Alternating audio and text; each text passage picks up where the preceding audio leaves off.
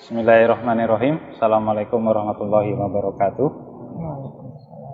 Alhamdulillahirabbil alamin. Puji syukur senantiasa kita panjatkan kehadirat Allah Subhanahu wa taala yang masih memberikan kita kesempatan untuk uh, berjumpa kembali dan khususnya untuk sesi kali ini ini kita sesinya adalah langsung uh, berbincang dengan Pak Fadwin Faiz Kemudian salawat dan salam senantiasa kita lantunkan kepada Nabi Muhammad SAW.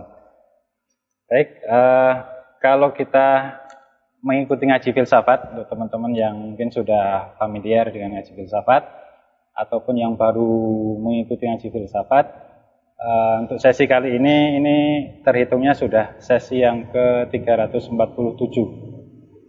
Nah, ini sesinya spesial karena biasanya setelah menuju Ramadan kita libur, nanti kita mulai lagi setelah Lebaran.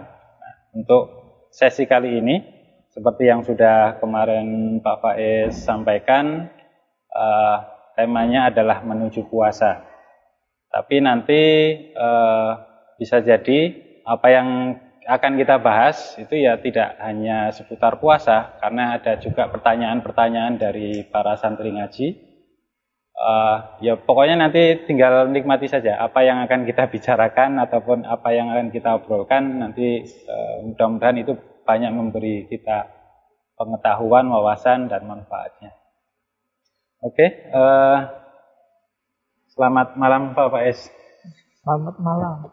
Selamat Sehat Pak G. Alhamdulillah. Alhamdulillah. Ini kalau dari sejak ngaji filsafat sampai sekarang, hmm kalau ada yang bertanya tentang keistiqomahan Pak Faiz mengisi itu apa Pak? Yang menjadi semangat Pak Faiz untuk isti terus istiqomah mengisi ngaji. Oke, baik. Saya tak menyapa teman-teman dulu ya. Yeah. Assalamualaikum warahmatullahi wabarakatuh. Waalaikumsalam warahmatullahi wabarakatuh. Bismillah, Alhamdulillah, Assalatu wassalamu ala rasulillah, wala hawla wala quwata illa billah. Amma ba'du. Alhamdulillah teman-teman malam hari ini kita bisa lanjut lagi kajian kita meskipun dengan format yang berbeda. Yeah. Bulan puasa ini ya. Baik, eh, langsung saja ini ada pertanyaan besar ini dari pertanyaan Mas besar itu, Pak. Wahid ini. Gimana caranya mengistiqomai? Yeah. Jadi ada banyak aktivitas, ada banyak kegiatan itu yang tidak perlu dipertanyakan lagi kebaikannya. Hmm. Termasuk belajar, Termasuk. mencari ilmu. Untuk hal-hal yang pasti dan jelas kebaikannya, itu menurut saya ya kita harus berjuang mengistiqomai. Jadi istiqomah itu menurut saya tidak perlu harus caranya gimana. Ayo istiqomah itu saja. Jadi tidak harus gitu, harus gimana, harus begitu tidak. Sama seperti orang Pak gimana caranya untuk tidak malas. Jangan malas. Nah, simpel itu saja. Iya, untuk istiqomah ayo istiqomah itu saja. Karena begini, kalau kita nyari-nyari alasan, nyari-nyari argumen yeah. untuk bisa istiqomah, pasti nanti kita juga nyari-nyari alasan untuk tidak istiqomah. Hmm. Atau ketika ada hal yang tidak cocok dengan alasan kita, kita kemudian mundur. Wah, karena ini sedang tidak. Tadi saya alasan istiqomah itu karena ada manfaatnya, karena sekarang menurut saya tidak ada manfaatnya, ya saya tidak usah istiqomah. Jadi ketika kita cari alasan untuk bisa istiqomah, pada saatnya kita akan menghindar dari istiqomah kalau alasan itu tidak muncul.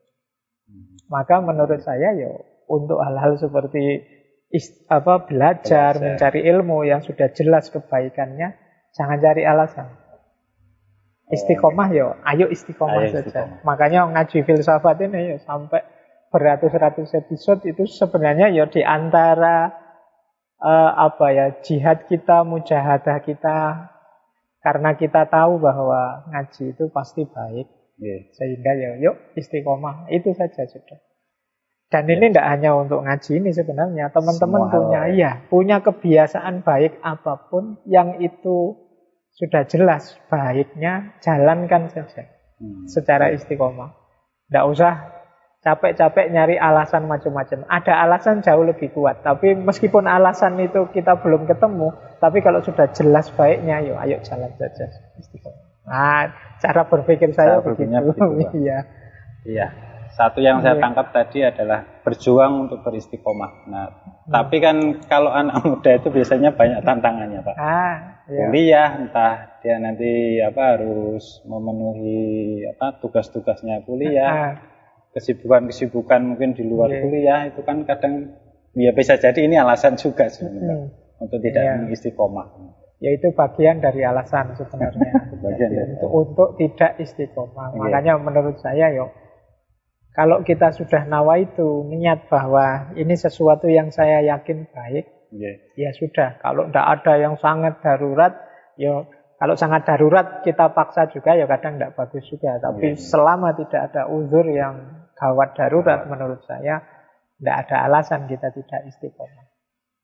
Ya memang tidak ringan. Makanya yeah. kalau dalam tasawuf itu ada makalah yang bilang istiqomah itu khairum min alfi karomah. Istiqomah itu lebih baik dari seribu kekeramatan, seribu karomah. Karena memang manfaatnya besar. Ya. Istiqomah itu. Nanti teman-teman merasakan sendiri. Silahkan teman-teman muhasabah ya coba dicek amal baik apa yang selama ini kita istiqomahi.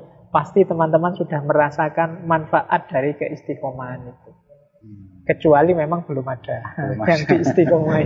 Kalau itu urusannya beda. Kadang yang wajib ini juga masih ketinggalan. Ah, ya, ya makanya, makanya saya bilang ini semacam jihad, berjuang. Okay. Jadi berjuang di jalan ilmu. Yang tentunya ya memang tantangan, rintangan, godaannya banyak. Banyak. Suluknya para anak-anak muda yang sedang belajar itu ya antara lain jalur istiqomah. Istiqomah. Ya, dan tentu teman-teman bisa apa mengambil apa yang disampaikan oleh Bapak S tadi. Dan terutama memang tidak ada alasan lagi untuk apa tidak istiqomah. Kalau kita pun membuat alasan-alasan ya berarti memang secara pribadi kita belum bisa untuk istiqomah. Kalau tadi juga Pak Wais menyampaikan untuk tidak males ya jangan males. Begitupun dengan istiqomah. Kalau kira-kira kita tidak istiqomah ya ya berusaha untuk istiqomah. Nah, mungkin pertanyaan kedua ini terkait dengan ngaji, Pak.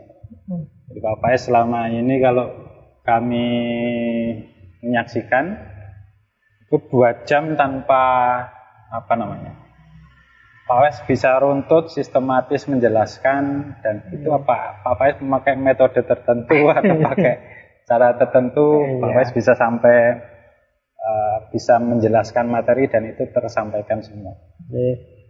Iya, jujur saja saya bisa seperti itu itu iya. dari ngaji filsafat ini. Oh. Jangan dikira sebelum ngaji saya sudah bisa seperti itu. Gitu. Tapi pelan-pelan, nah tadi ya kita istiqomah, nah, ya lama-lama ya bisa lancar. Jadi jangan dikira ngaji ini yang belajar hanya teman-teman yang mengikuti, yang iya. mendengarkan. Saya juga belajar. Bahkan mungkin saya terima kasih justru mungkin yang meningkat banyak itu justru saya. Saya harus belajar tiap minggu, milih materi, cara menyampaikan, gimana caranya durasinya bisa dua jam. Itu kan saya yang paling tertantang untuk belajar.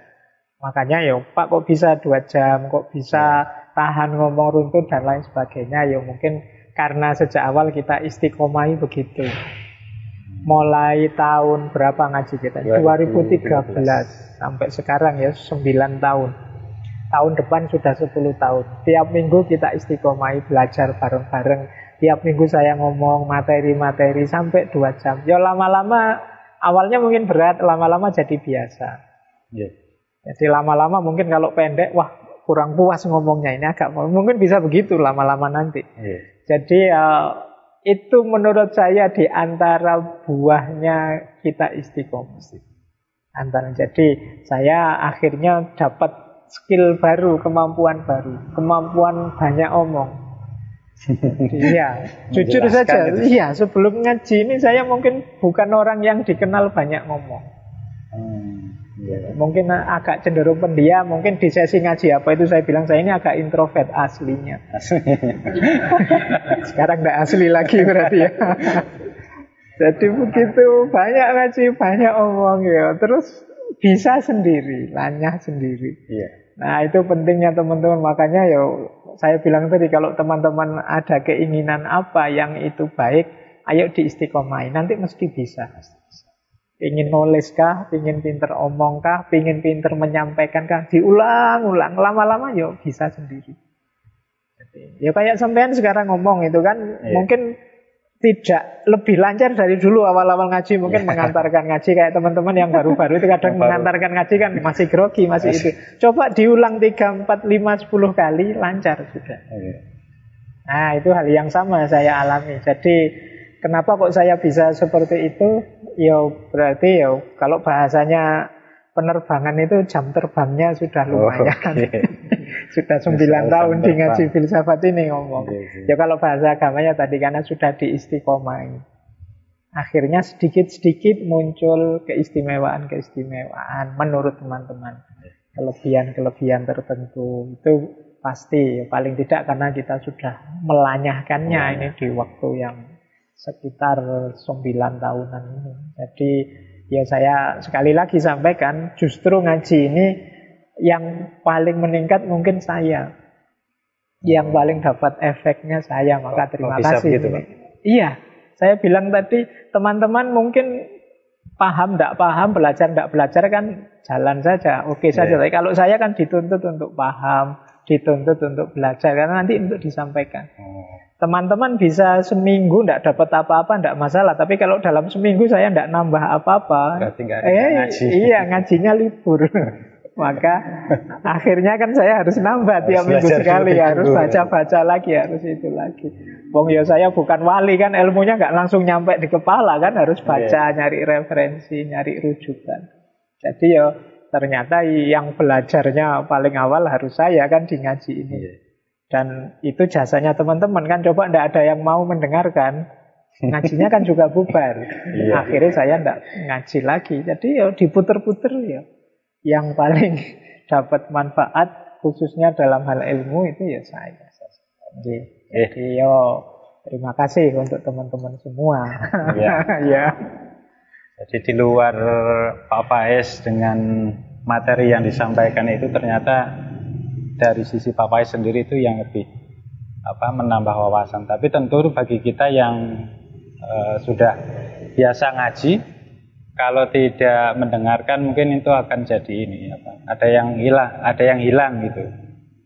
Kadang juga banyak teman-teman yang apa namanya memberi kesan kalau Pak Faiz ini memang tipenya begitu.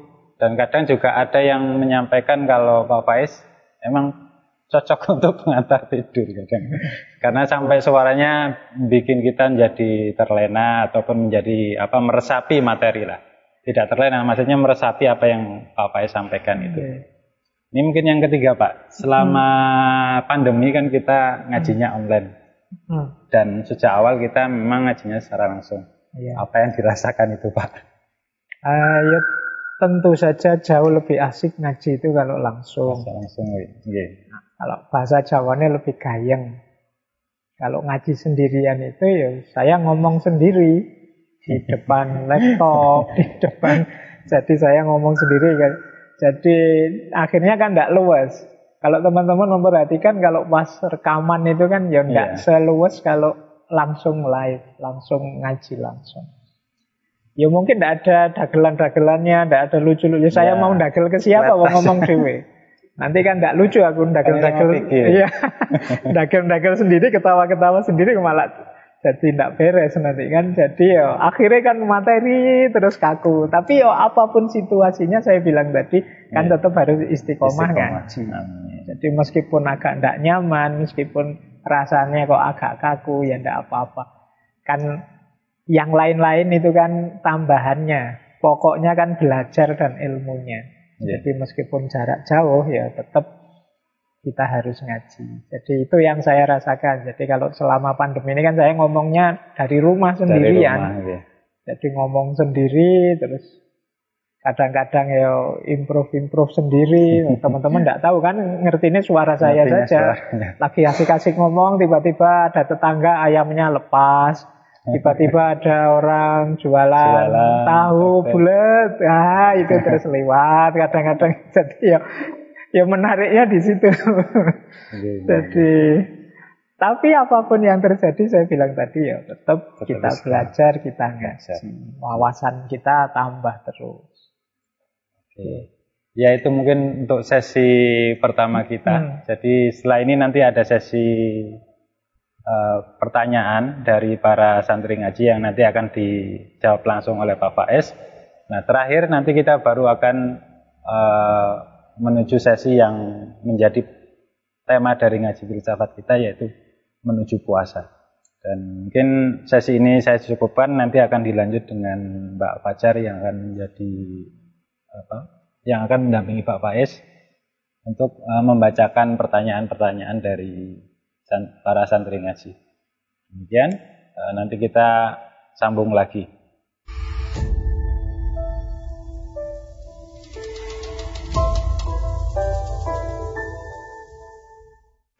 Assalamualaikum warahmatullahi wabarakatuh. Um, Bismillahirrahmanirrahim. Alhamdulillahirrahmanirrahim.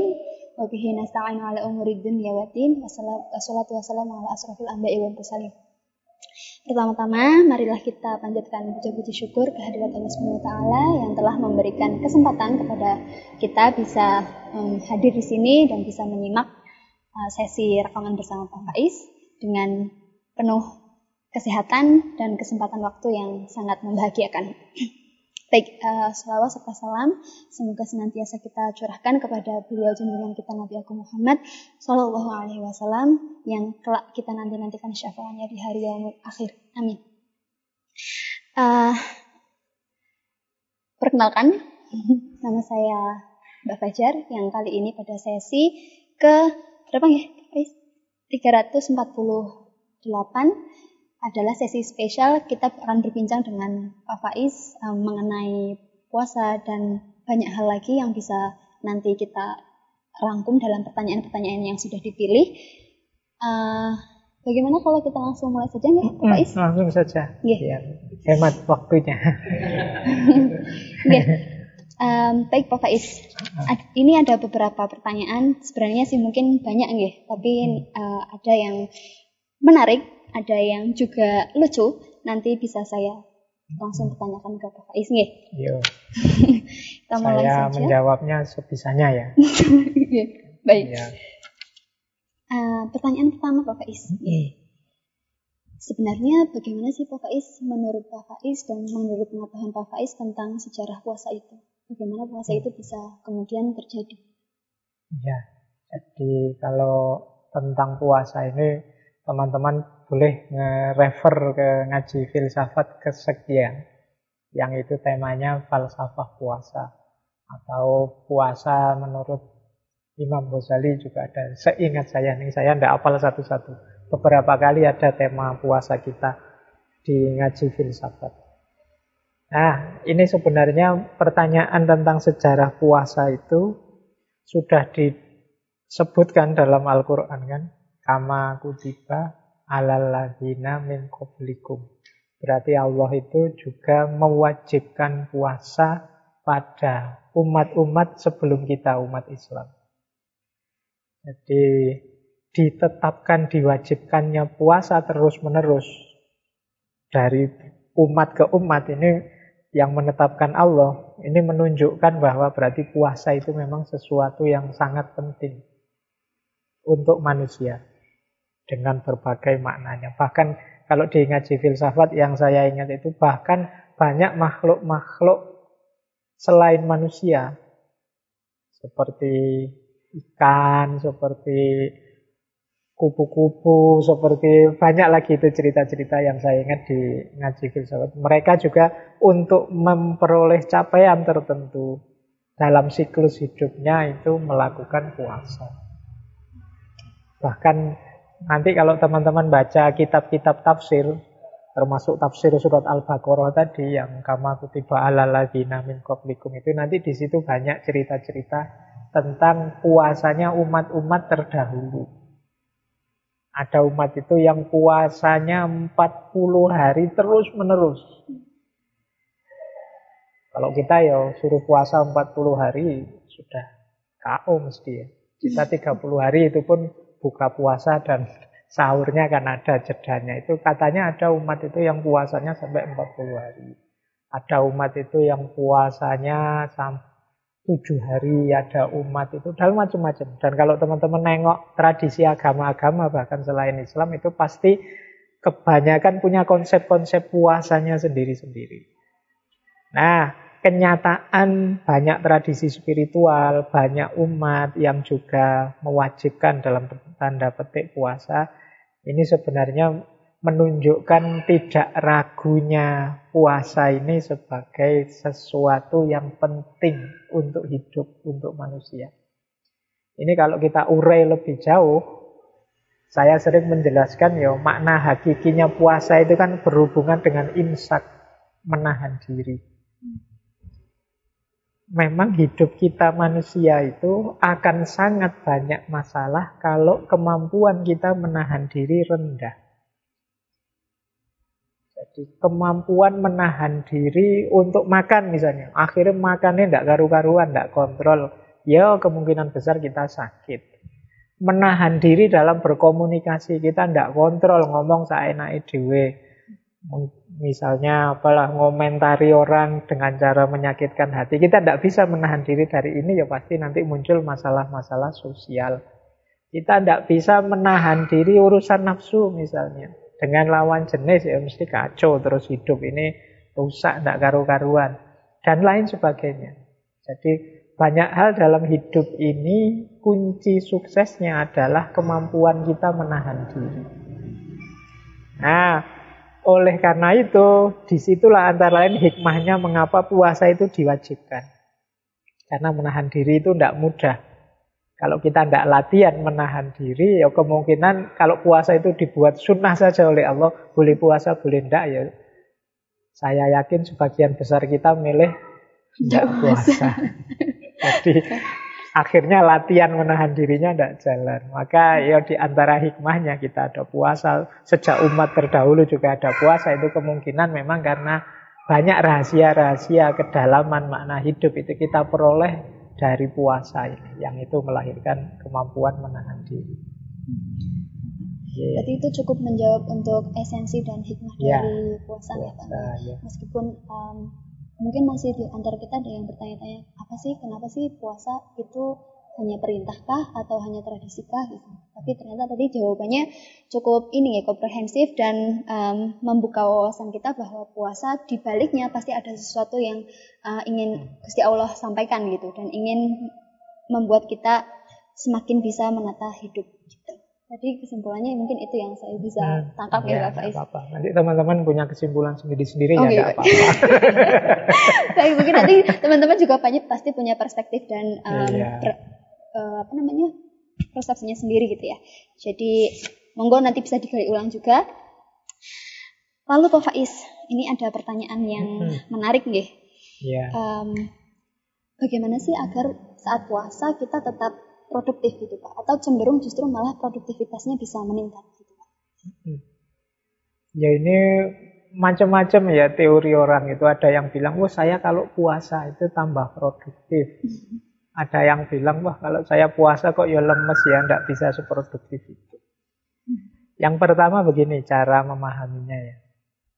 Yang penting puasa itu wajib ya. Dulu ini saja dulu bahwa itu nanti membuat kamu lemes atau membuat produktif itu nanti dulu.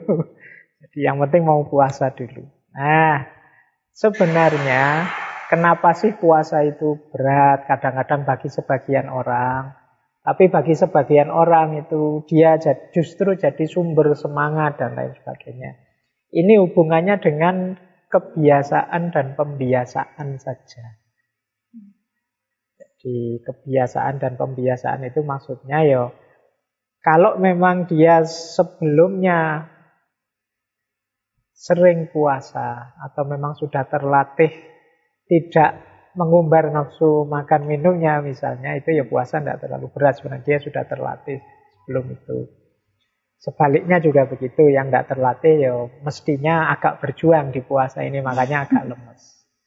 Nah, tapi insya Allah puasa ini kan durasinya satu bulan. Mungkin di awal-awal penyesuaian itu ya ada lemesnya. Satu, dua, tiga, empat hari, seminggu lah mungkin masih ada. Tapi setelah itu mungkin lebih lebih ringan. Nah, tahap awalnya ini ya lebih ringan itu tadi. Nah, kemudian produktif atau tidak produktif itu terus kembali ke orangnya. Kalau orangnya memang produktif sejak awal, mentalnya produktif, semangatnya produktif, ya puasa itu justru keuntungan bagi dia karena ada waktu lebih. Ada banyak peluang, ada banyak kesempatan, banyak fasilitas di bulan puasa ini. Banyak kesibukan-kesibukan yang kemudian berkurang. Ah, ini peluang untuk kreatif banyak aktivitas-aktivitas yang selama masa biasa itu bisa kita tinggalkan. Nah, itu peluang untuk kreatif. Kemudian situasi sekitar juga mendukung. Orang kan kalau waktu puasa kan tidak hura-hura, tidak berlebih-lebihan misalnya apalah yang membuat kita terdistraksi ke situ sehingga lupa untuk kreatif. Nah ini situasi sekitar ini sangat mendukung. Makanya bagi orang yang awalnya memang sudah kreatif, puasa itu momen bagi dia karena ada banyak peluang, kesempatan, fasilitas untuk mengembangkan kreativitasnya. Meskipun mungkin awal-awal puasa masih lemes-lemes misalnya, tapi kan lama-lama ya bisa adaptasi lah. Manusia itu makhluk yang sangat canggih dalam beradaptasi.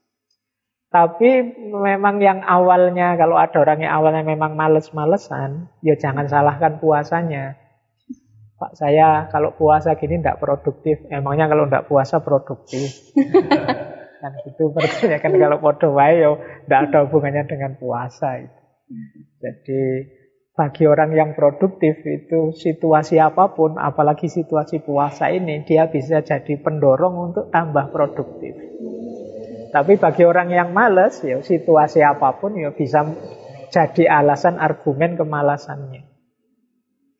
Jadi misalnya kalau memang aslinya males, ya puasa terus jadi alasan dia wah puasa pak lapar. Nanti ndak puasa kenyang kok kenyang pak ini. Ya. Jadi berat ingin tidur dulu ngantuk sekarang pak. Yuk macam-macam alasan. Jadi kalau ini tergantung orangnya. Hmm. Jadi tidak tergantung puasanya. Puasa memberi banyak fasilitas positif. Nah, kita mengambil itu enggak? Kita memanfaatkan itu enggak? Harusnya memang tambah produktif bagi yang memang orangnya produktif.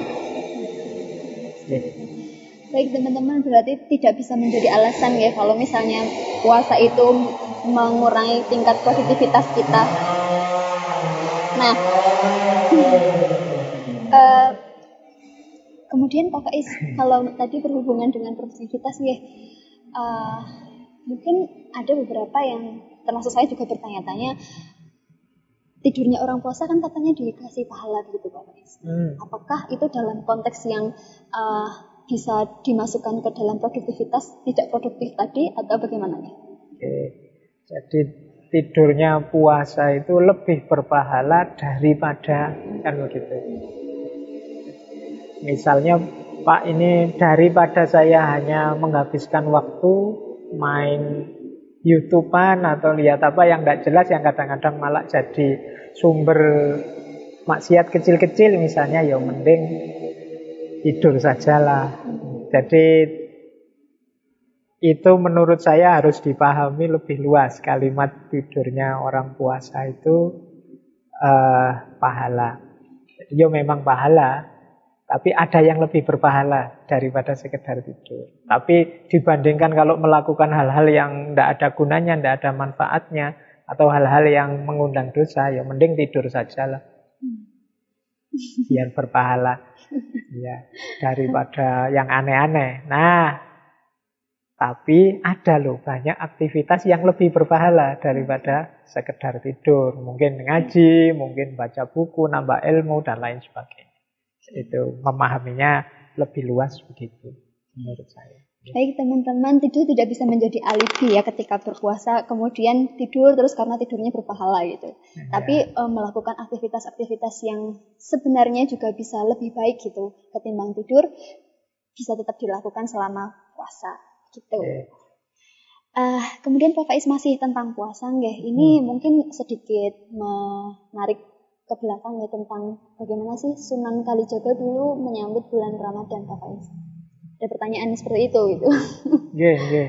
Kalau dalam Islam itu kan ada hadis itu masyhur sekali. Barang siapa yang gembira dengan datangnya Ramadan, maka dia diharamkan masuk neraka. Sehingga kalau menjelang puasa itu kan banyak sekali. Mungkin mulai hari ini kan banyak orang itu yang share-share ungkapan selamat menjalankan ibadah puasa. Mari bergembira dengan datangnya Ramadan dan lain sebagainya. Karena memang ada dasar berpikirnya, ada hadisnya juga begitu. Gembira. Nah, para wali ya pastinya juga ngerti tentang kegembiraan datangnya Ramadan ini. Makanya dalam tradisi Islam khususnya di Jawa itu kan sejauh yang saya tahu ada beberapa tradisi menyambut Ramadan. Ini dari beberapa referensi yang saya baca, tradisi-tradisi ini diinisiasi oleh para wali. Antara lain Sunan Kalijogo. Yang saya ingat di Jawa Timur, dulu tempat saya itu ada namanya Megengan. Iya, megengan itu dari kata Jawa megeng. Megeng itu artinya menahan diri. Hmm. Itu sama kalau bahasa Arab itu imsak namanya. Nah kalau di tempat saya dulu megengan itu ya ada semacam kirim doa pada uh, simbah-simbah yang sudah meninggal, nenek moyang yang sudah mendahului kita, kemudian tasyakuran, nanti bagi-bagi makanan, kemudian dan yang sejenis itu ziarah ke makam-makam. Ini namanya megengan kalau di tempat saya. Kalau saya tidak tahu di tempatnya teman-teman. Kemungkinan juga punya tradisi sendiri-sendiri untuk menyambut Ramadan ini.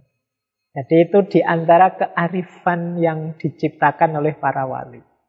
Jadi untuk membuat orang benar gembira dengan datangnya Ramadan, dibuat beberapa tradisi untuk membangkitkan kesadaran, oh ini sudah mau puasa dan gembira dengan datangnya puasa. Apalagi ada bancaannya tadi, ada bagi-bagi makanan, ada gembira. Terus dalam kegembiraan itu tidak lupa dengan uh, yang sudah meninggal sebelumnya, simba-simba, bapak ibu yang sudah tidak ada. Kemudian didoakan juga. Nah ini menurut saya di antara kearifan yang ditanamkan oleh para wali. Mirip seperti di Jogja. Di Jogja itu ada tradisi kalau menjelang puasa namanya padusan. Padusan itu secara sengaja mandi di sore hari menjelang masuk satu Ramadan. Ada yang kemudian terus mandinya akhirnya ke laut, ke ada yang begitu. Nah, tapi intinya mandi. Ini semacam menyadarkan kita bahwa oh ini kita mau masuk bulan agung yang luar biasa, mas. saatnya siap-siap membersihkan diri. Ini menarik, kalau dalam tradisi Jawa itu ada logika wadah lan isi. Tubuh kita ini, diri kita ini kan akan dimasuki makhluk mulia, akan kedatangan makhluk luar biasa ciptaannya Allah namanya Ramadan. Ramadan ini punya banyak sekali keistimewaan, keunggulan, dan lain sebagainya yang kita tahu. Ini kan mau hadir dalam hidup kita, dalam diri kita.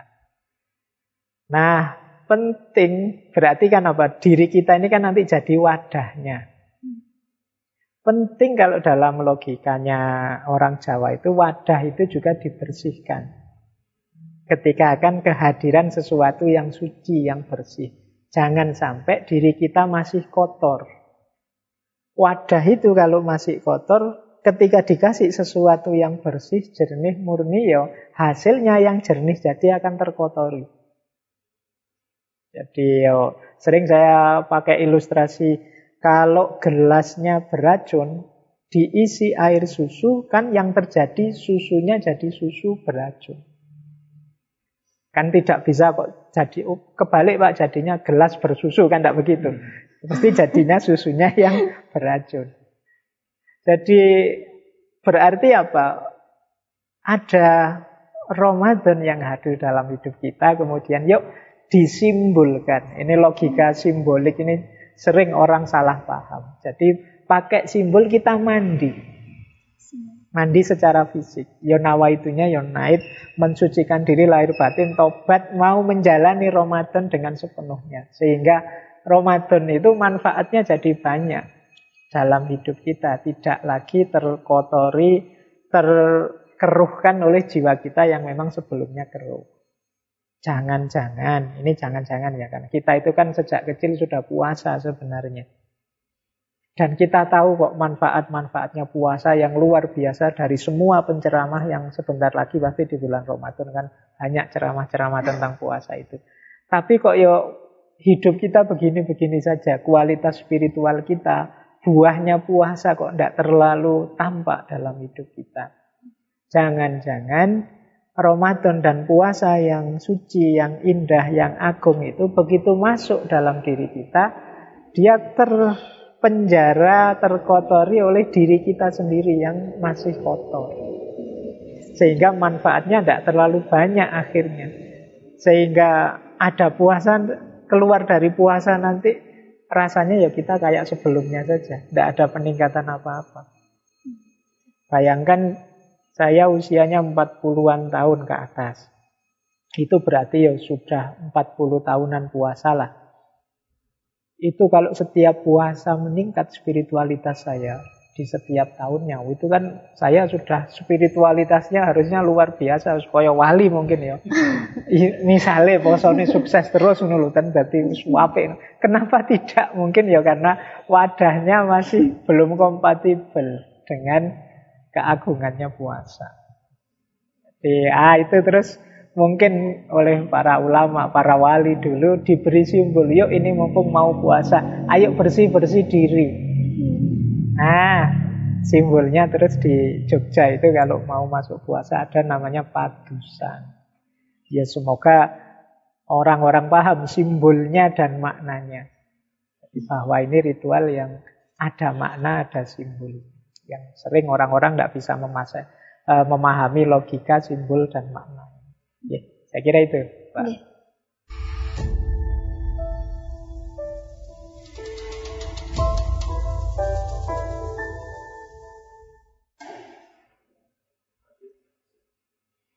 Baik, kita lanjutkan pertanyaan selanjutnya, Nggih, Pak Faiz ini hmm. ada yang bertanya. Menurut Pak Faiz, membuat story WA dan IG saat bulan Ramadan itu cenderung pamer atau tidak, Pak?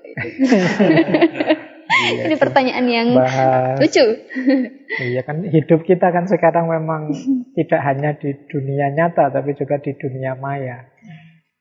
Termasuk IG, termasuk apalagi Twitter dan lain-lainnya.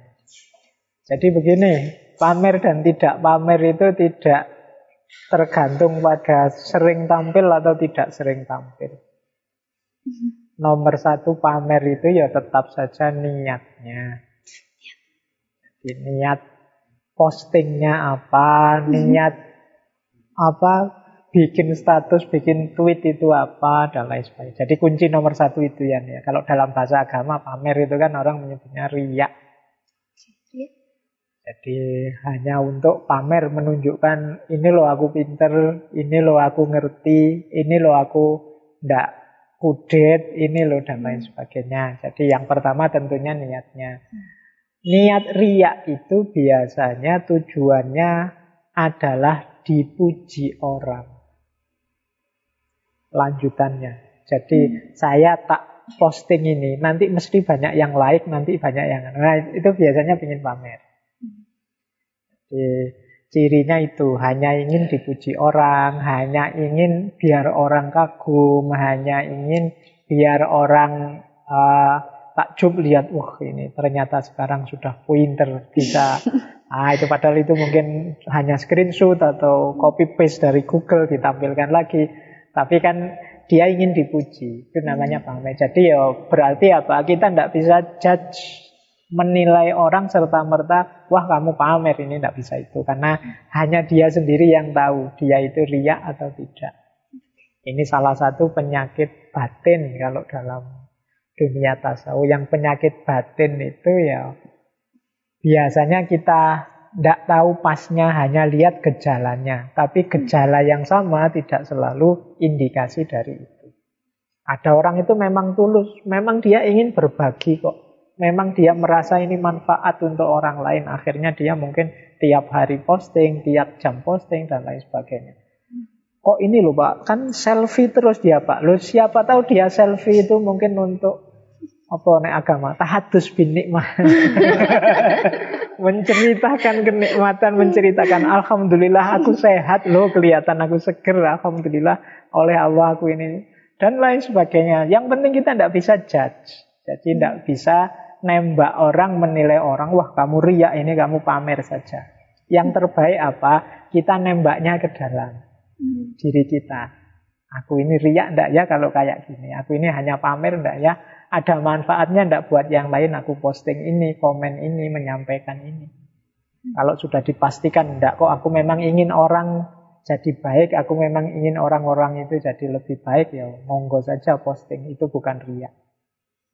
Jadi misalnya kan kalau puasa itu kan kadang kita berlomba-lomba uh, menyampaikan hikmah lah, dalil lah, di apalah ini kayak di webnya MCS itu kan Kan kalau puasa aja kan ada postingan-postingan dalil, postingan itu. Yeah. Itu kalau dorongannya ingin berbuat baik ya kan tidak masalah. Ingin ah mumpung bulan Ramadan biar lebih banyak orang sibuk dengan yang baik-baik, yang bagus-bagus termasuk dengan hikmah-hikmah dan lain sebagainya. Kalau itu tidak masalah. Tapi kalau niatnya pamer, mm kalau niatnya wah saya juga ngerti kok kalimat-kalimat indah, aku juga ngerti kok. Tidak cuma situs sana, tidak cuma web sana, itu namanya pamer. Nah, kalau itu ya kalau bisa jangan. Karena riak itu kan bagian kalau kan ada kalau dalam tasawuf itu bagian dari penyakit hati. Berarti kita orang yang sedang sakit. Kalau sakit kan berarti harus disembuhkan. Ya, ya. Baik, teman-teman, uh, pamer atau tidak pamer itu tergantung kepada niat kita ya di hati kita itu bagaimana. Apakah kita memang ingin dipuji orang atau benar-benar bahwa apa yang kita posting, apa yang menjadi story WA dan Instagram kita adalah sesuatu yang mungkin baik dan bermanfaat buat orang lain gitu. Tapi sekali lagi yang tahu niat kita ya cuma diri kita sendiri sama pasti Allah kita. Hmm. Kemudian um, ada pertanyaan yang mungkin sedikit meloncat ya Pak dari tadi kita kan sudah hmm. bahas puasa hmm. ya. Yeah. Ini membahas tentang um, pertanyaan yang unik siapa sih Pak gitu uh, filosof atau sufi yang hidden gem gitu Pak bahasanya mungkin bahasaan zaman sekarang sekali ya hidden gem itu mungkin tersembunyi mutiara mutiara tersembunyi, tersembunyi betul ya. filosof ulama yang hidden gem yang mutiara tersembunyi ya karena masih tersembunyi ya saya tidak bisa jawab ya tidak kelihatan Oh dia masih hidden. Masa tak jawab nanti dia tidak hidden lagi. Nanti semua orang tahu. Oke oke oke. Iya, ya mungkin maksudnya mungkin ada orang yang potensial ulama ini luar biasa, cuma belum banyak orang yang tahu. Mungkin maksudnya itu ya. Hmm. ya kalau itu ya mungkin teman-teman lebih tahu bukan saya. Teman-teman kan yang lebih aktif di dunia maya di dunia nyata. Kalau saya agak kuper tentang wawasan-wawasan siapa-siapa saja orang unggul, orang besar kita hari ini. Yang saya tahu ya yang tiap hari tampil, tiap hari kelihatan di medsos. Yang tidak kelihatan, ya saya mestinya tidak tahu, masih hidden dia. Jadi yang penting begini, kalau kita memang ingin jadi orang manfaat, maslahat bagi orang lain, uh, hidden atau tidak hidden, semoga tidak jadi motif utama kita. Kita jadi orang baik itu tidak diganggu oleh motif ingin tersembunyi atau motif ingin tampil. Dua-duanya tidak positif. Ada orang itu mau melakukan kebaikan, tidak jadi-jadi karena ingin tersembunyi. Saya tidak tahu ada nggak teman-teman yang pernah ngalami. Misalnya, saya biasa sholat tahajud sih, tapi ini baru ngumpul dengan teman-teman sak geng.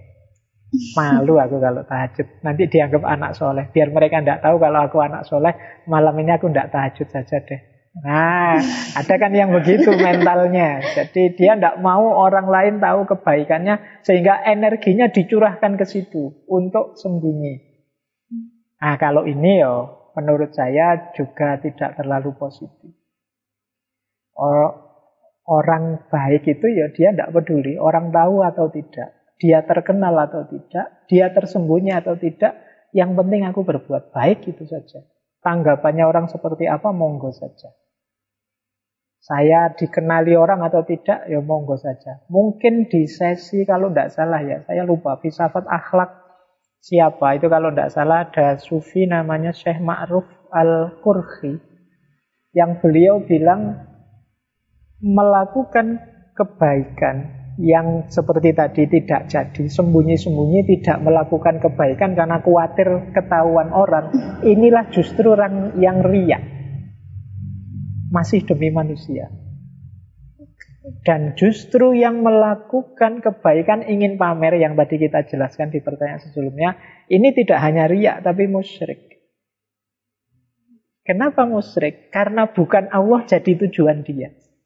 Tujuannya orang riak tadi kan demi dipuji orang, demi orang lain senang padanya. Makanya beliau menyebutnya ya yang riak itu yang begitu. Yang sembunyi-sembunyi untuk tidak kelihatan, biar orang tidak tahu, biar aku tetap tersembunyi. Ini yang katanya Syekh Ma'ruf tadi, inilah yang namanya riak. Jadi tidak jadi melakukan kebaikan karena khawatir orang tahu terus nanti saya dipuji Pak, nanti saya terkenal jadi orang baik. Ada yang mikirnya begitu terus tidak jadi melakukan kebaikan.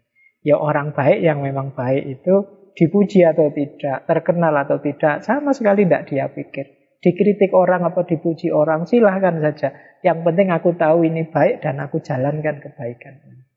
Nah, inilah orang baik. Jadi, yo ada kalau dalam tasawuf itu istilahnya orang yang sangat dicintai Allah sehingga memang bukan dia yang sembunyi tapi disembunyikan oleh Allah. Namanya majdub. Ya, jadi orang-orang yang memang oleh Allah disembunyikan bahwa dia ini kekasihnya, tapi Allah yang menyembunyikan. Sehingga orang lain tidak tahu. Itu banyak di cerita-cerita tasawuf. Kalau ini cara berpikirnya berbeda karena memang orang-orang khusus ini oleh Allah nanti jadi orang yang paling dikasihi namanya. Para wali itu kan banyak yang majdub. Baik, saya kira itu Mbak Fajar. Ya, berarti memang um, cukup sulit ya Pak bagaimana untuk bisa untuk tidak tersembunyi, eh, tidak berusaha untuk menyembunyikan diri tapi juga tidak berusaha untuk Ya, gitu. jadi orang yang ingin sembunyi atau ingin kelihatan itu kan sama-sama sebenarnya motifnya karena manusia. betul betul. Ya, jadi karena orang lain. Nah ini yang kita sering tidak sadar itu. Hmm. Berarti ya masih karena orang. Saya tadi mau sholat tahajud nggak jadi karena ada teman. Itu kan berarti tahajudku atau tidak tahajudku masih ada karena orangnya, bukan karena aku.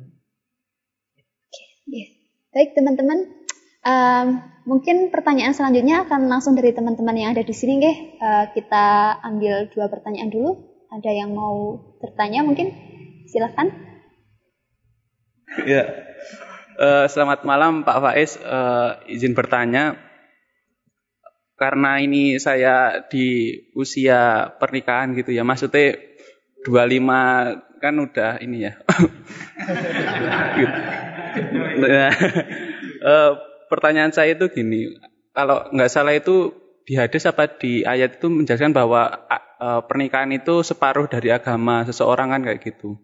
Nah, menurut Pak Faiz itu apa sih yang dimaksud dengan e, menikah itu artinya separuh agama gitu. Apakah misalnya jodoh kita misalnya itu orang yang ahli agama jadi kita separuhnya itu ahli agama itu bagaimana gitu. ya, mungkin itu dulu, Pak. Terima kasih. Oke, baik. Uh, ini saya jawab sejauh yang saya pahami. Mas siapa? Mas? Mas Putra umur 25 ini sampean sudah sunnahnya menikah memang 25. Kalau 26 sudah tidak sunnah. sudah kelewat kan. Rasulullah nikahnya umur 25. Begini, nikah itu menyempurnakan agama. Karena ada sangat banyak amal ibadah keagamaan yang itu memerlukan pasangan. Jadi, ada banyak kebaikan-kebaikan yang bisa dijalankan kalau kita ada pasangannya. Meskipun ya bukan berarti kalau tidak ada pasangan kita tidak tidak ada kebaikan yang bisa dijalankan, tidak ada ibadah. Ada ibadah-ibadah. Wong nikah sendiri itu kan juga ibadah sebenarnya. Berarti yang belum nikah belum dapat pahalanya menikah. Kemudian berdua dengan istri misalnya, itu kan juga ibadah. Kalau orang sudah punya istri, misalnya Mas Putra, kalau sedang sholat tahajud membangunkan istrinya, kemudian sholat tahajud berdua. Kalau belum punya istri kan tidak ada yang dibangunkan, tidak ada yang membangunkan.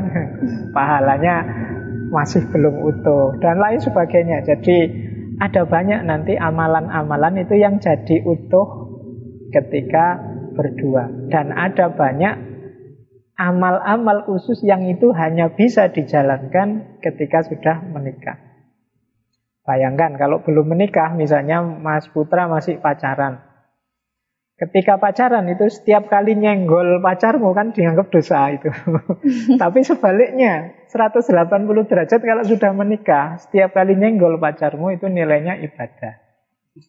Jadi kalau belum nikah itu ketemunya kesenggol ting dosa, ketemu lagi ting dosa lagi. Tapi kalau sudah nikah kebalikannya, setiap kali senggolan berbuah pahala. Jadi itu makna luasnya bahwa ya agamamu akan utuh lengkap jika kamu sudah menikah. Nah, ini menarik kalau saya kaitkan ada satu hadis itu.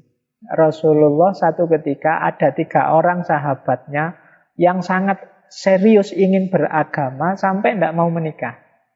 Jadi ada tiga orang sahabat semuanya bersumpah. Yang satu bersumpah, saya tidak akan tidur. Saya akan bangun terus tiap malam untuk sholat. Yang kedua bersumpah, saya tidak akan buka puasa. Tiap hari saya akan puasa terus. Yang satu, saya tidak akan nikah. Pokoknya hidupku sepenuhnya untuk agama saja. Nah, terus jawabannya Nabi, yo, kata Rasulullah, aku ini Nabi. Tapi aku ya tidur dan bangun sholat malam. Aku ya puasa, ya buka puasa. Dan aku menikah. Nah, ini menunjukkan bahwa ya kalau ingin seperti Rasulullah, mengikuti sunnahnya Rasulullah, ya tidur, ya bangun. Tidak menyiksa diri bangun malam terus. Ya puasa, ya buka puasa, ya ndak puasa terus-terusan. Ya menikah. Nah ini nanti hadis ini, belakangnya kalimatnya terkenal sekali. Faman rohiba an sunnati falaisa minni. Barang siapa yang tidak suka dengan sunnahku yang tadi ini, termasuk menikah tadi ya tidak termasuk umatku. Nah, wah itu bagaimana bisa sempurna agamanya kalau tidak diakui sebagai umatnya oleh Nabi. Jadi ini gambaran betapa orang yang sudah menikah itu kalau bulu tangkis itu dia menang set sudah dibandingkan yang belum nikah. Jadi dia sudah punya fasilitas lebih untuk nambah pahala. Nah, iya. Makanya kalau sudah ada calonnya, kalau sudah merasa mampu, ayo menikah, tidak usah ragu-ragu. Ini untuk semuanya saja yang jomblo ini. Ini bukan nasihat, tapi dorongan. untuk segera. Karena Nabi kan juga mendorong itu kan. Pamanis tato amin kumul ba'ah fal yatazawaj. Jadi Wahai anak-anak muda ya maksarus sabab, kalau sudah mampu menikah, menikahlah. Nah, karena di situ ada banyak sekali manfaatnya. Fa innahu aghaddu lil basar wa ahsana lil farj. Itu kalimat selanjutnya kalau dalam hadis lebih menjaga diri kita baik mata maupun kemaluan. Baik, saya kira itu ya Mas Putra. Berarti ya tinggal berdoa serius dan Jangan jadi penakut. Itu saja menurut saya. Yeah. Yeah. Baik. Baik, pertanyaannya sangat menarik nih, Mas Putra. Dan semangat untuk segera menjemput jodohnya. untuk pertanyaan selanjutnya. Oke, uh, Assalamualaikum warahmatullahi wabarakatuh. Uh, terima kasih atas waktunya. Perkenalkan Pak, nama saya Muhammad Muhajir. uh, mungkin pertanyaannya uh, berkelanjutan dari tadi tentang per, perkawinan karena kalau membahas perkawinan itu menarik. ya, uh, apalagi yang uh, baru-baru terakhir ini uh, trending ya atau baru viral ya terkait dengan pernikahan beda agama kayak gitu. Memang manusia itu kan salah satu fitrahnya diberikan rasa cinta. Baik mencintai maupun dicintai. Nah, kadang manusia itu tidak bisa membendung mau mencintai siapa atau dicintai siapa. Nah, di masyarakat kita banyak apa ya?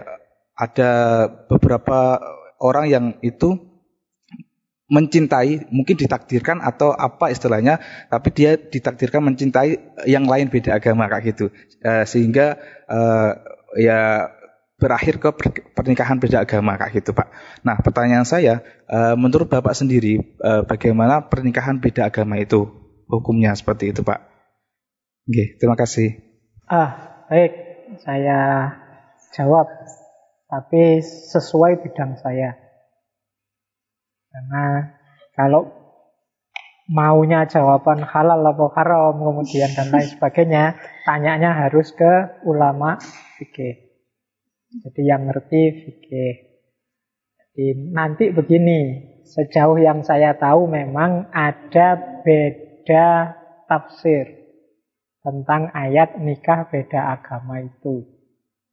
Beda tafsir berarti beda pemahaman tentang apakah boleh saya nikah dengan beda agama. Kalau boleh itu boleh yang laki-laki yang non-muslim atau perempuan non-muslim dan lain sebagainya. Ini ada beberapa tafsir yang berbeda-beda di kalangan para ulama.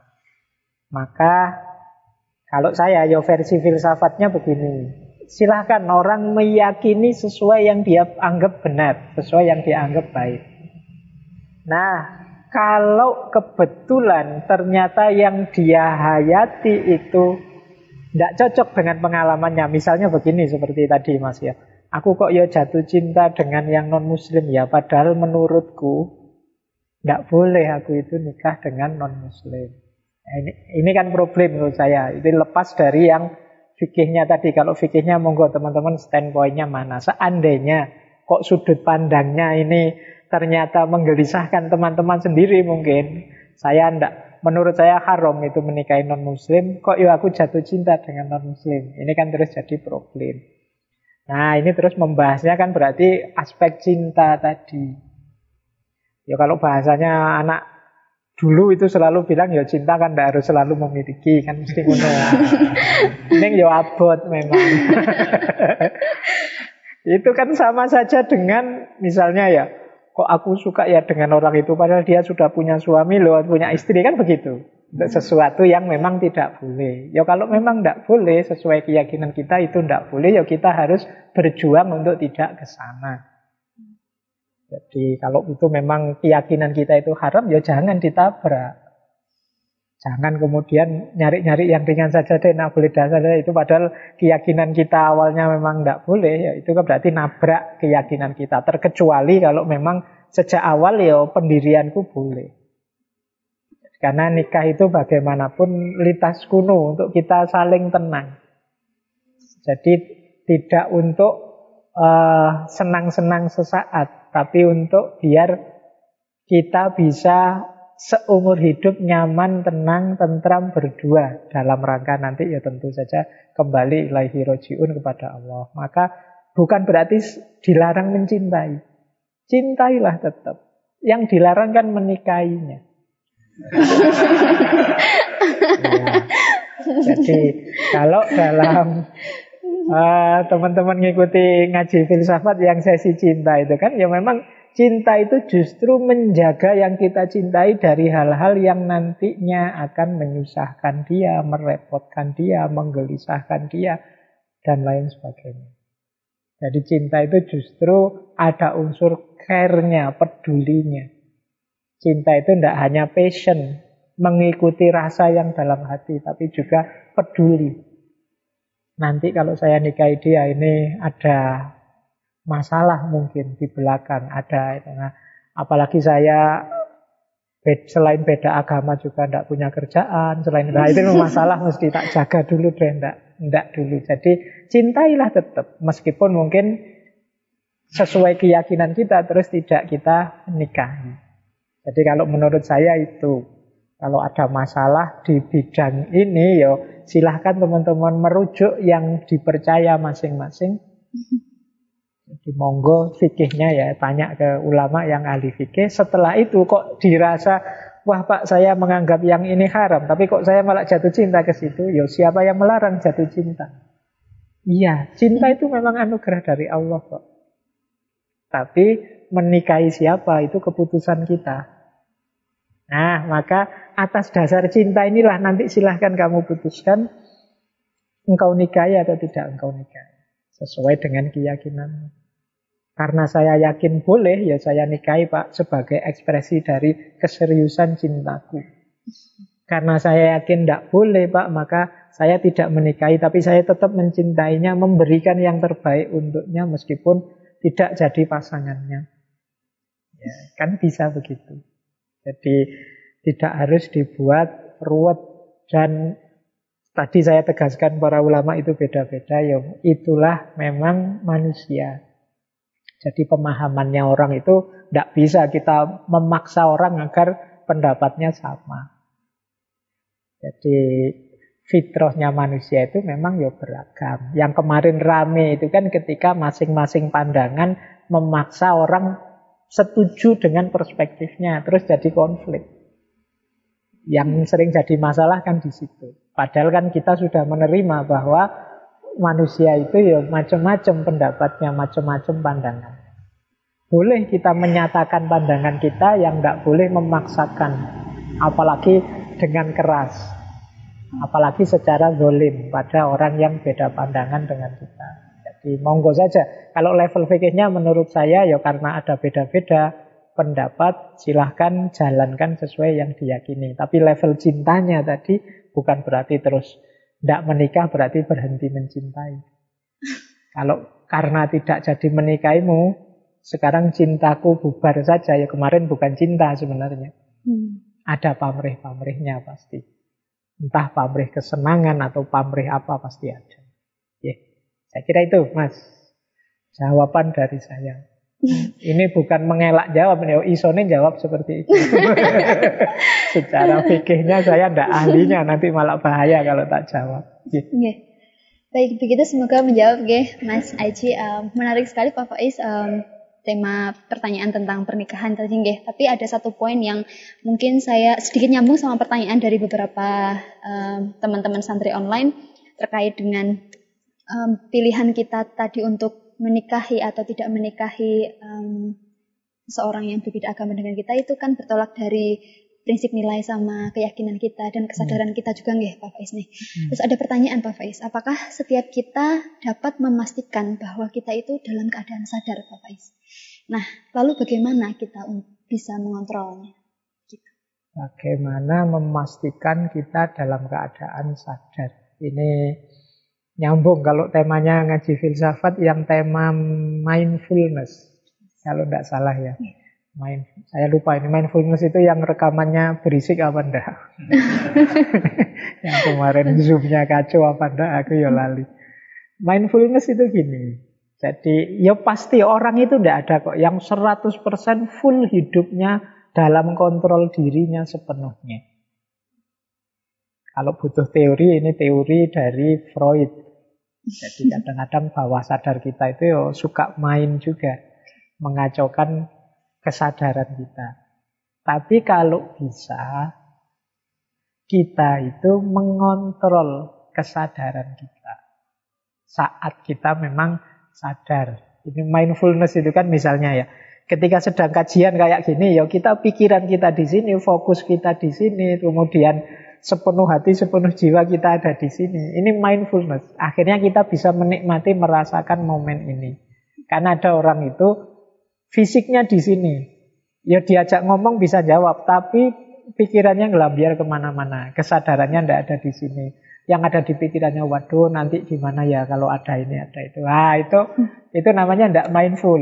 Misalnya teman-teman yang sekarang sedang rekam ini, deh yang lain fokus ke materi, dia mikir ini rekamannya jadi ndak ya nanti bagus enggak ya? Nah, fisiknya ada di sini, tapi pikirannya ada di mana-mana. Ini namanya enggak mindful, enggak sadar tentang situasi dan kondisi saat ini. Pikirannya ke mana-mana terus. Nah itu, itu tadi yang ditanyakan tentang kesadaran. Jadi yo kalau kita ingin hidup ini nyaman, nikmat, enak, itu kalau bisa kita mindful. Pas makan misalnya, ya kita nikmati apa yang ada di depan kita, makanan ini, apa pun situasinya, enak tidak enak, kita nikmati sekarang saat ini. Kalau kita sambil makan sambil mikir harusnya ya menunya seperti menu yang kemarin yang lebih enak, ya mikirnya ke sana, tidak bisa menikmati yang sekarang yang di sini. Jadi itu jawaban tentang kesadaran. Ya memang manusia itu lebih sering melayang, lebih sering tidak mindful menjalani hidupnya. Biasanya pikirannya terdistraksi sering ke mana-mana. Tapi orang yang bisa bahagia, bisa menghasilkan sesuatu, itu biasanya orang yang sadar dan mindful menjalani hidupnya. Jadi sepenuh hati, sepenuh jiwa. Ya kayak saya ini kalau misalnya sedang banyak pikiran, misalnya ngomong kayak gini ya ngomong aja sih, tapi pikiran ke mana-mana itu biasanya ya akan lebih bagus kalau saya lebih konsentrasi ngomongnya apa yang dia ingin apa. Ngaji filsafat juga kadang-kadang kan ada ngelanturnya sedikit-sedikit. Itu biasanya ketika sudah tidak mindful lagi, mungkin karena capek, terus sudah hampir dua jam yang ngomongin ngelantur ke mana-mana sudah. Nah itu ketika yo pikiran lelah terus jadi tidak mindful. Meskipun kita juga tidak bisa maksa orang untuk tegang, kenceng, serius terus menerus. Tapi yo kalau bisa untuk hal-hal penting dalam hidup kita, kita putuskan, kita jalani dengan penuh kesadaran. Mindful itu kalau dalam bahasa agama, kalau sholat itu namanya khusyuk. Definisi mudahnya, hadirnya hati. Hatinya ikut hadir di sini, tidak ke mana-mana. Nah, itu namanya sadar. Ya. Yeah. Baik Pak Faiz, um, sangat menarik sekali ya uraian tadi dari pemantik-pemantik pertanyaan dari teman-teman juga sangat bergizi. Jadi kita bisa banyak belajar, semoga bisa mengambil manfaat nggih. Um, uh, baik teman-teman, um, untuk sesi kali ini pertanyaan dan berbincang-bincang dengan Pak Faiz sudah um, menunjukkan waktu untuk harus berpisah. Jadi saya tutup dulu Terima kasih Pak Faiz atas kesempatannya. Terima, Terima kasih juga teman-teman yang sudah menyimak dan sudah mendengarkan dengan penuh kehadiran hatinya. Jadi saya ucapkan terima kasih dan saya akhiri dengan bacaan hamdalah. Mari kita akhiri dengan bacaan hamdalah. Alhamdulillahirrahmanirrahim. Saya akhiri. Wabillahi taufiq wal hidayah. Wassalamualaikum warahmatullahi wabarakatuh. Waalaikumsalam warahmatullahi wabarakatuh.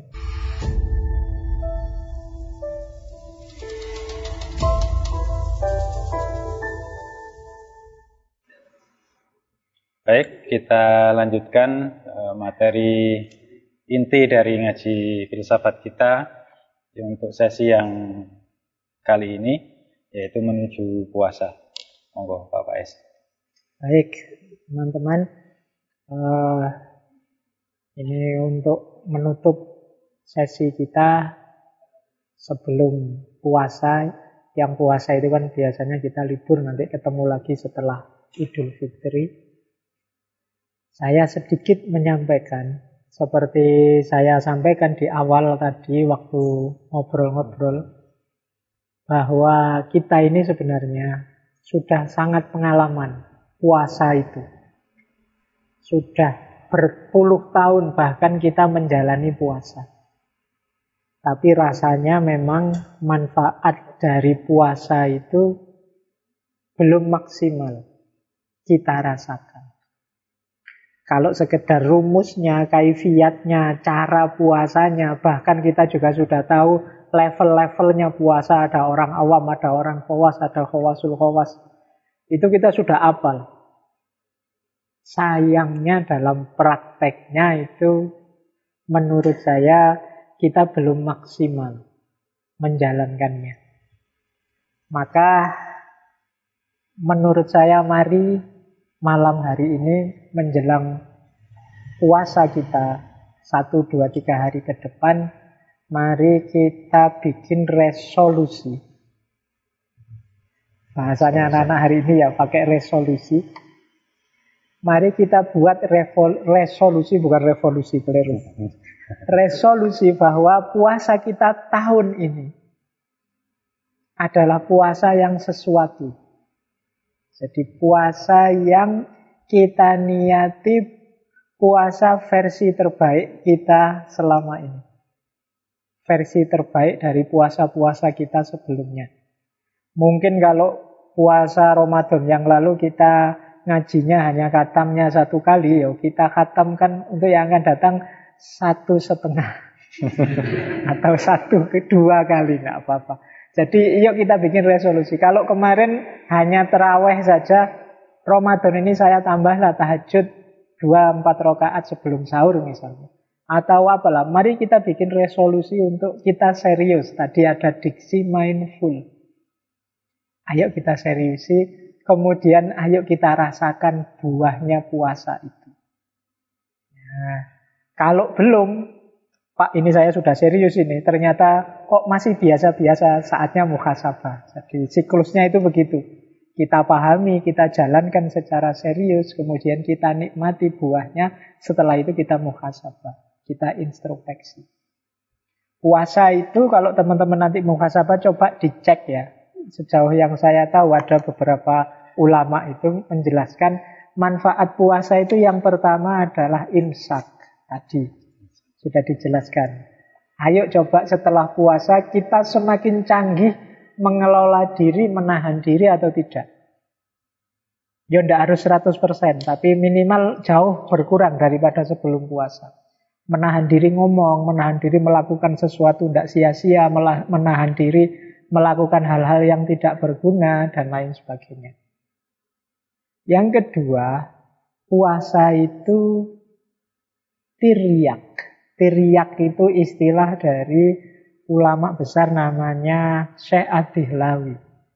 Kata beliau puasa itu tiriak. Tiriak itu semacam penawar penawar dari sifat-sifat buruk dalam diri kita.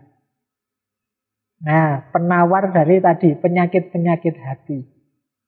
Maka nanti ayo setelah puasa kita introspeksi. Aku tambah dengki sama orang apa tidak? Aku tambah gampang iri sama orang apa tidak? Aku lebih suka pamer apa tidak? Kalau tidak, Alhamdulillah puasa kita sudah bermakna tiriak lumayan menawarkan sedikit-sedikit penyakit hati kita. Kok puasa-puasa kok tambah dengki sama yang dibenci? Hari ini kan orang itu sering terkotak-kotak, terkubu-kubu, blok ini, blok itu, terus saling benci, saling dengki dengan yang lain. Harusnya puasa ini jadi tiriaknya, penawarnya. Kalau tidak bisa tawar dengan itu, ya kemungkinan puasa kita kurang mindful tadi kurang serius lahir dan batinnya. Dan yang ketiga tentu saja puasa itu melatih kita untuk ikhlas. Lillahi ta'ala.